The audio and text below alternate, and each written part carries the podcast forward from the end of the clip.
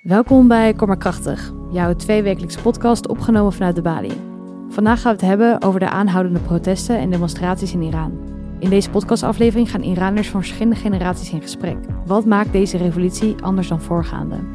Mijn naam is Leen Deen en eerst ga ik in gesprek met programmamaker Joline Vermeulen.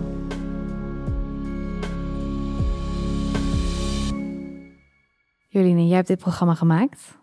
Kun je me vertellen hoe deze revolutie in Iran is begonnen? Deze huidige protestbeweging in Iran is begonnen bij de arrestatie van Gina Masa Amini, een 22-jarige Iraans-Koerdische vrouw die werd gearresteerd door de zedenpolitie religieuze politie in Iran die toeziet op de kledingvoorschriften. En in haar geval was die politie van, van oordeel dat ze haar hoofddoek, dat haar hijab, haar hoofd niet voldoende zou bedekt hebben. En op basis daarvan hebben ze haar gearresteerd.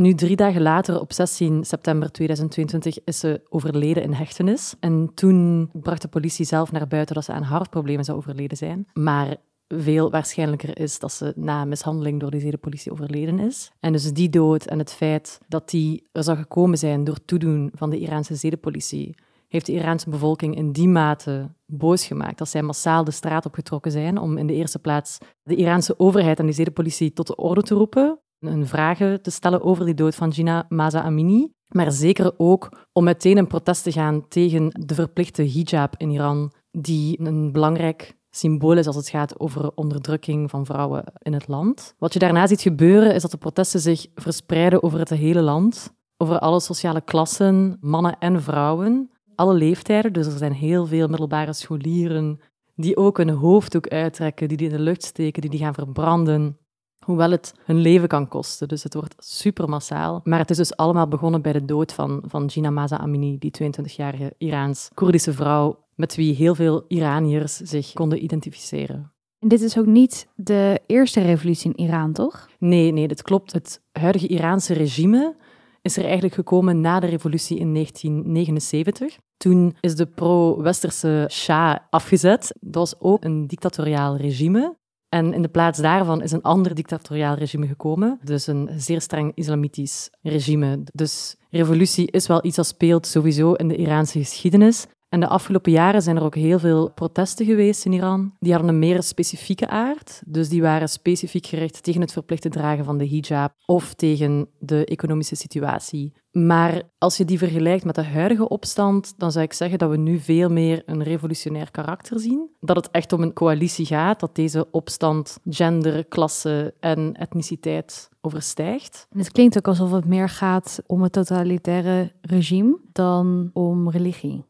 Ja, absoluut. Je ziet ook hoe religieuze vrouwen hun hoofd ook aftrekken, die in de lucht houden, die verbranden. Het is echt wel een protest tegen het totalitaire regime. En zeker ook tegen een regime dat religie misbruikt om de bevolking te onderdrukken.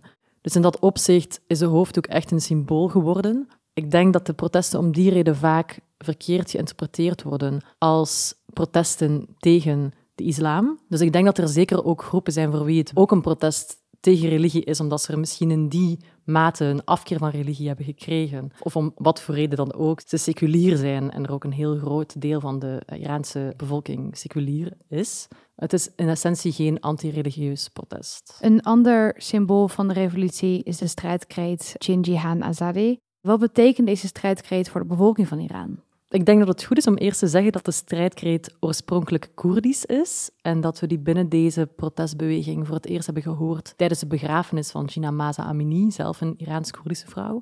Dus mocht het niet zij zijn die was overleden door mishandeling door de Iraanse zedenpolitie, dan was het misschien ook een andere leuze geworden. Ik denk dat het wel belangrijk is om dat te benadrukken, omdat het Koerdische aspect vaak onderbelicht blijft als het gaat over berichtgeving over Iran en de, en de protesten in Iran, is die kreet daarna ook wel overgenomen in Teheran en uiteindelijk wereldwijd.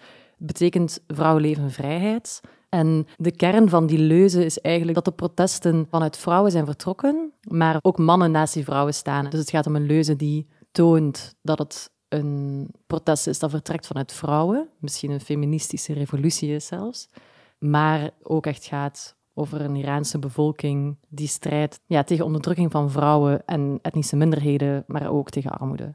Heb jij het idee dat de berichtgeving over Iran genoeg is? Nee, absoluut niet. En die vraag stelden wij ook tijdens het programma aan onze vier sprekers. Zij schudden beteden alle vier hun hoofd. En dit heeft heel veel te maken met de berichtgeving door Nederlandse media, die niet alleen heel schaars is, maar ook weinig diepgang heeft. En ik denk dat het ook wel anders kan, want als je ziet hoeveel er bericht wordt op sociale media, hoeveel er gedeeld wordt, hoe jonge mensen ook via TikTok geïnformeerd zijn, dan is het wel frappant dat de Nederlandse media een beetje achterloopt op de feiten of belangrijke nuances vergeet. Dus ik, ik denk eigenlijk dat de Nederlandse media ook een verantwoordelijkheid hebben tegenover Iraniërs in Nederland, die zich ook onveilig voelen, die ook te maken hebben met bedreigingen vanuit het Iraanse regime, die ook soms voor hun leven vrezen of dat van familie in Iran als ze zich uitspreken. Dus het kan gewoon niet dat een thema dat tot in Nederland afspeelt zo onderbelicht blijft. Dankjewel Jolien. We gaan nu luisteren naar, hou je vast, Beri Shalmashi, filmmaker en auteur, Afeg Marawatian, Iraans-Nederlands fotograaf, art director en kunstdocent, Ra Heshmatiga, een masterstudente en Iraans mensenrechtenactivist, en Heidi Doroudi, filosoof, intersectioneel feminist, columnist en projectmanager in de zorg.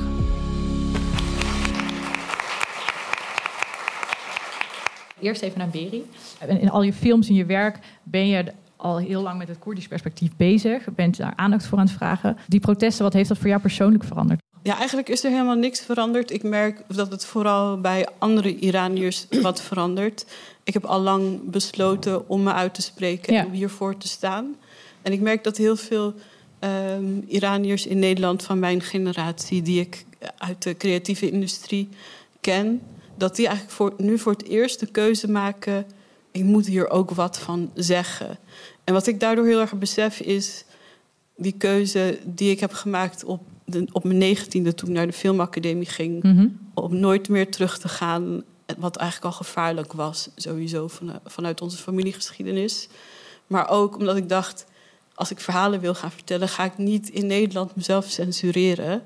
Um, ik merk dat nu, zoveel jaar later, mijn generatiegenoten hier die keuze ook maken. Vrienden die besluiten om zich voor de ambassade in Den Haag uit te spreken, dat te posten en dan beseffen wat ik nu heb gedaan betekent mogelijk iets onomkeerbaars. Wat we zien is dat het dit keer heel anders is. En dat in 2017 en 2019 ook protesten waren. Die hebben niet zo heel lang geduurd zoals nu.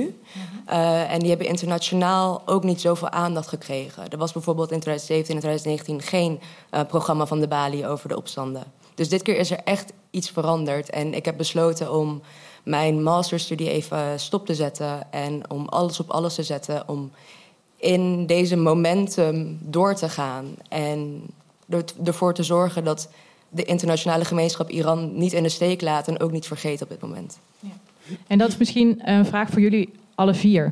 Het begon met één meisje. Als je probeert te duiden hoe kan het dat precies nu op dit moment die protesten zo groot zijn geworden? Is er een soort momentum? En als je probeert te omschrijven wat dat momentum is, is er iets van tevoren gebeurd of veranderd, waardoor dit iets anders lijkt dan alle protesten die daarvoor waren? Iraniërs zijn heel erg symboolgevoelig. We zijn, we zijn allemaal filmmakers en beeldend vertellers en poëten. Dus alles is altijd in code in wat een dag betekent, wat een beeld betekent. En ik denk dat Gina Masha Amini en daar ligt natuurlijk heel veel historisch, gaat er aan vooraf. Maar dat zij iedereen's nichtje was, iedereen's zusje of dochter. En dat in haar identiteit en hoe zij eruit zag, dat zij voor de middenklasse staat en dat ze voor vrouwen staat en dat ze voor minderheden staat. En al die dingen overlapten in haar identiteit. Dus eigenlijk kon niemand niet kwaad zijn daardoor. Wat voor mij nu echt uh, enorm uh, wat indruk maakt, is inderdaad de Leeuwinnen zijn nu echt de leiders geweest daarin. Maar daarbij zie je nu ook vooral op straatbeelden man-vrouw gelijkheid. Die, dat de mannen naast de vrouwen staan. Weet je, als je bepaalde beelden ziet hoe een, een jonge man door de politie op zo'n motor wordt gezet, door vrouwen eraan trekken en dat de mannen erachter staan. Het is zo intens mooi om dat eindelijk een keer te zien daar. Wat jij zegt, in educatie wordt er van kinds af aangeleerd: jij bent de helft van een man. Weet je? Mhm. Dat doorbreken, dat zie je nu gewoon letterlijk, figuurlijk zie je man-vrouw naast elkaar. En Gina Masta Amini was de druppel daarvoor. En die bom is nu ontploft, maar van beide kanten. Mag ik daar nog iets aan toevoegen? Ja, zeker. Als ik het vergelijk met toen de protesten van vrouwen in Iran in 1979... toen ze zeiden, waarom ontneem je ons onze rechten, onze vrijheid toen werden ze heel erg in de steek gelaten door de mannen. Geen, een, geen ene man is mee gaan strijden met ze. Integendeel, er waren zelfs mannen die ze gingen uitschelden.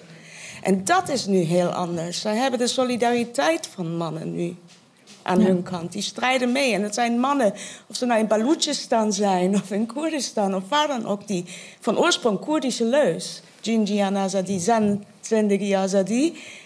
Die wordt geroepen door mannen. Je ziet mannen in, in de steden rondlopen met een t-shirt waarop staat Azadi. En dat is heel erg bepalend. Dat, dat, dat maakt het zo sterk. Het overstijgt gender, het overstijgt etniciteit, het overstijgt nationaliteit. Het overstijgt heel veel. Het Iraanse volk vecht alleen maar met vuisten en met hun stem en met, met leuzen. Terwijl ze tegenover wapens staan. Terwijl ze tegenover hun dood staan. En ik denk dat dit echt de moed en de kracht van het Iraanse volk laat zien. En ook laat zien hoe belangrijk en hoe anders dit protest is. Dat mensen op allerlei manieren, met het kleine beetje dat ze hebben, proberen tegen wapens te vechten.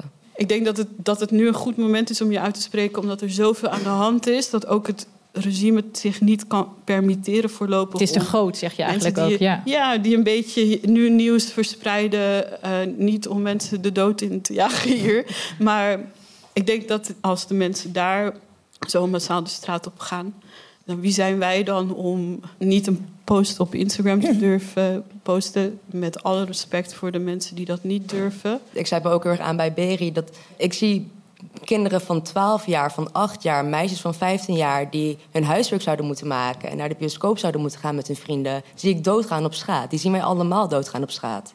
En het minste wat ik kan doen is hen ondersteunen hier. En als dat het risico is dat ik loop, dan loop ik dat maar. Ja. Maar dan hoop ik wel dat ik bereik heb om daadwerkelijk de stem van al die, van al die jonge meisjes daar te zijn. Ja. Plus niet vallen voor de intimidatie. Want als we daar te veel in die vlek gaan wrijven, dan werkt die dus. En dan helpen we het regime eigenlijk. Absoluut, ja.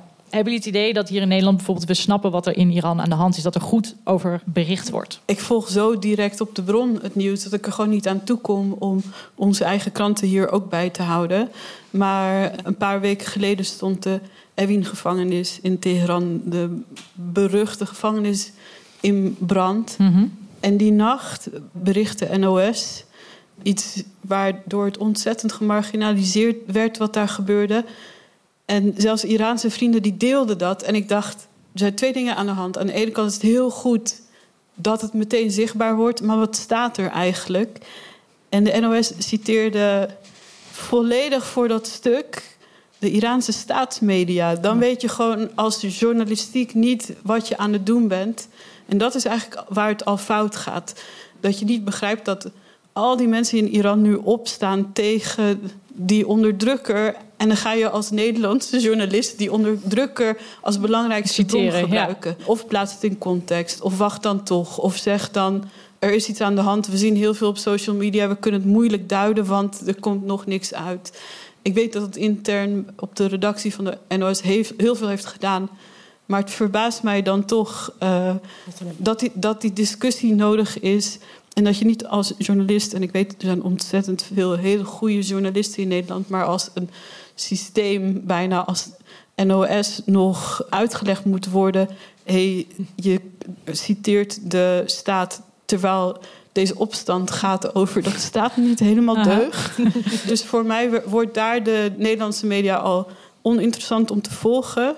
Maar wel gevaarlijk ook. Omdat het eigenlijk, hoe minder wij daarop letten en kritisch op zijn, hoe meer ruimte komt om de status quo te behouden. Omdat er qua cijfers geen alternatieven zijn. Omdat als je niet bent opgegroeid met zo'n systeem, ook vanuit de diaspora niet, dan ben je misschien niet zo kritisch als dat wij vanzelf vaak al zijn. Het is iets heel serieus, iets heel urgents, iets heel ernstigs wat daar gebeurt in Iran, waar de leuzen gebracht worden, waar vrouwen verschillende manieren van protest inzetten. En onder andere was er dat afknippen van het haar. En ik heb me enorm geërgerd, want ik kreeg, je krijgt het toch mee op Twitter. Dat Frits Wester dan een schaar brengt naar mevrouw Kraag Met de vraag of zij nu ook haar haar gaat afknippen. En dan. Dat, dat is vulgair in mijn ogen. Dan maak je een karikatuur van iets wat om leven en dood gaat, wat om vrijheid gaat. Dus ja, je minimaliseert die strijd in feite. Of mensen die dat dan vervolgens zouden gebruiken voor hun eigen islamofobe propaganda. Ook. Dit is geen strijd tegen religie, dit is een strijd tegen onderdrukking, tegen verplichting van de hijab. En het is een strijd voor vrijheid. En dat bijvoorbeeld de minister lok je haar af. Precies, en dan vervolgens dat gebruikt uh, in de VVD voor haar eigen islamofobe propaganda. Ja, plak het dan maar weer aan je hoofd, want dat, dat, dat, dat hoeft dan niet. Wat wil je van de gemeenschap? Wat moet de internationale wereld doen om Iran te helpen momenteel? Gooi het dicht. Ja. Knip de lijnen door. Dus die mensen daar die willen niet gered worden door ons. Die mensen daar willen dat wij de contact gewoon verbreken. Zij zijn al aan het strijden. Het zijn al leeuwen en leeuwinnen die daar aan staan. Zij schreeuwen vanuit buiten van stop alles, stop contact. Het is klaar nu. Maar blijf het naar buiten brengen dat er veel journalisten in het Westen en heel veel mensen zijn voorzichtig en die willen dat niet een revolutie noemen. Ik noem het wel een revolutie en ik noem het ook een feministische revolutie die ook zo moet blijven. Maar een revolutie is een proces. Je weet niet hoe lang dat proces duurt. Maar het moet in de media blijven. Het moet bericht worden. Want als het weer in vergetelheid raakt, dan weten ze zeker dat ze doodgaan. Ja, maar echt ook grotere consequenties, politiek, diplomatiek en ook economisch. Canada heeft bijna een maand geleden al meteen hele grote consequenties opgehangen. Ook aan eigenlijk de handlangers van het regime. Met een lijst van 10.000 mensen die zowel in Iran het goed voor elkaar hebben en ook in Canada gigantische stukken land, bedrijven. We moeten ook beseffen dat veel van de VPN-bedrijven waar Iraniërs naartoe vluchten in handen zijn van de kinderen van het regime, bijvoorbeeld. Dus totaal gestoord.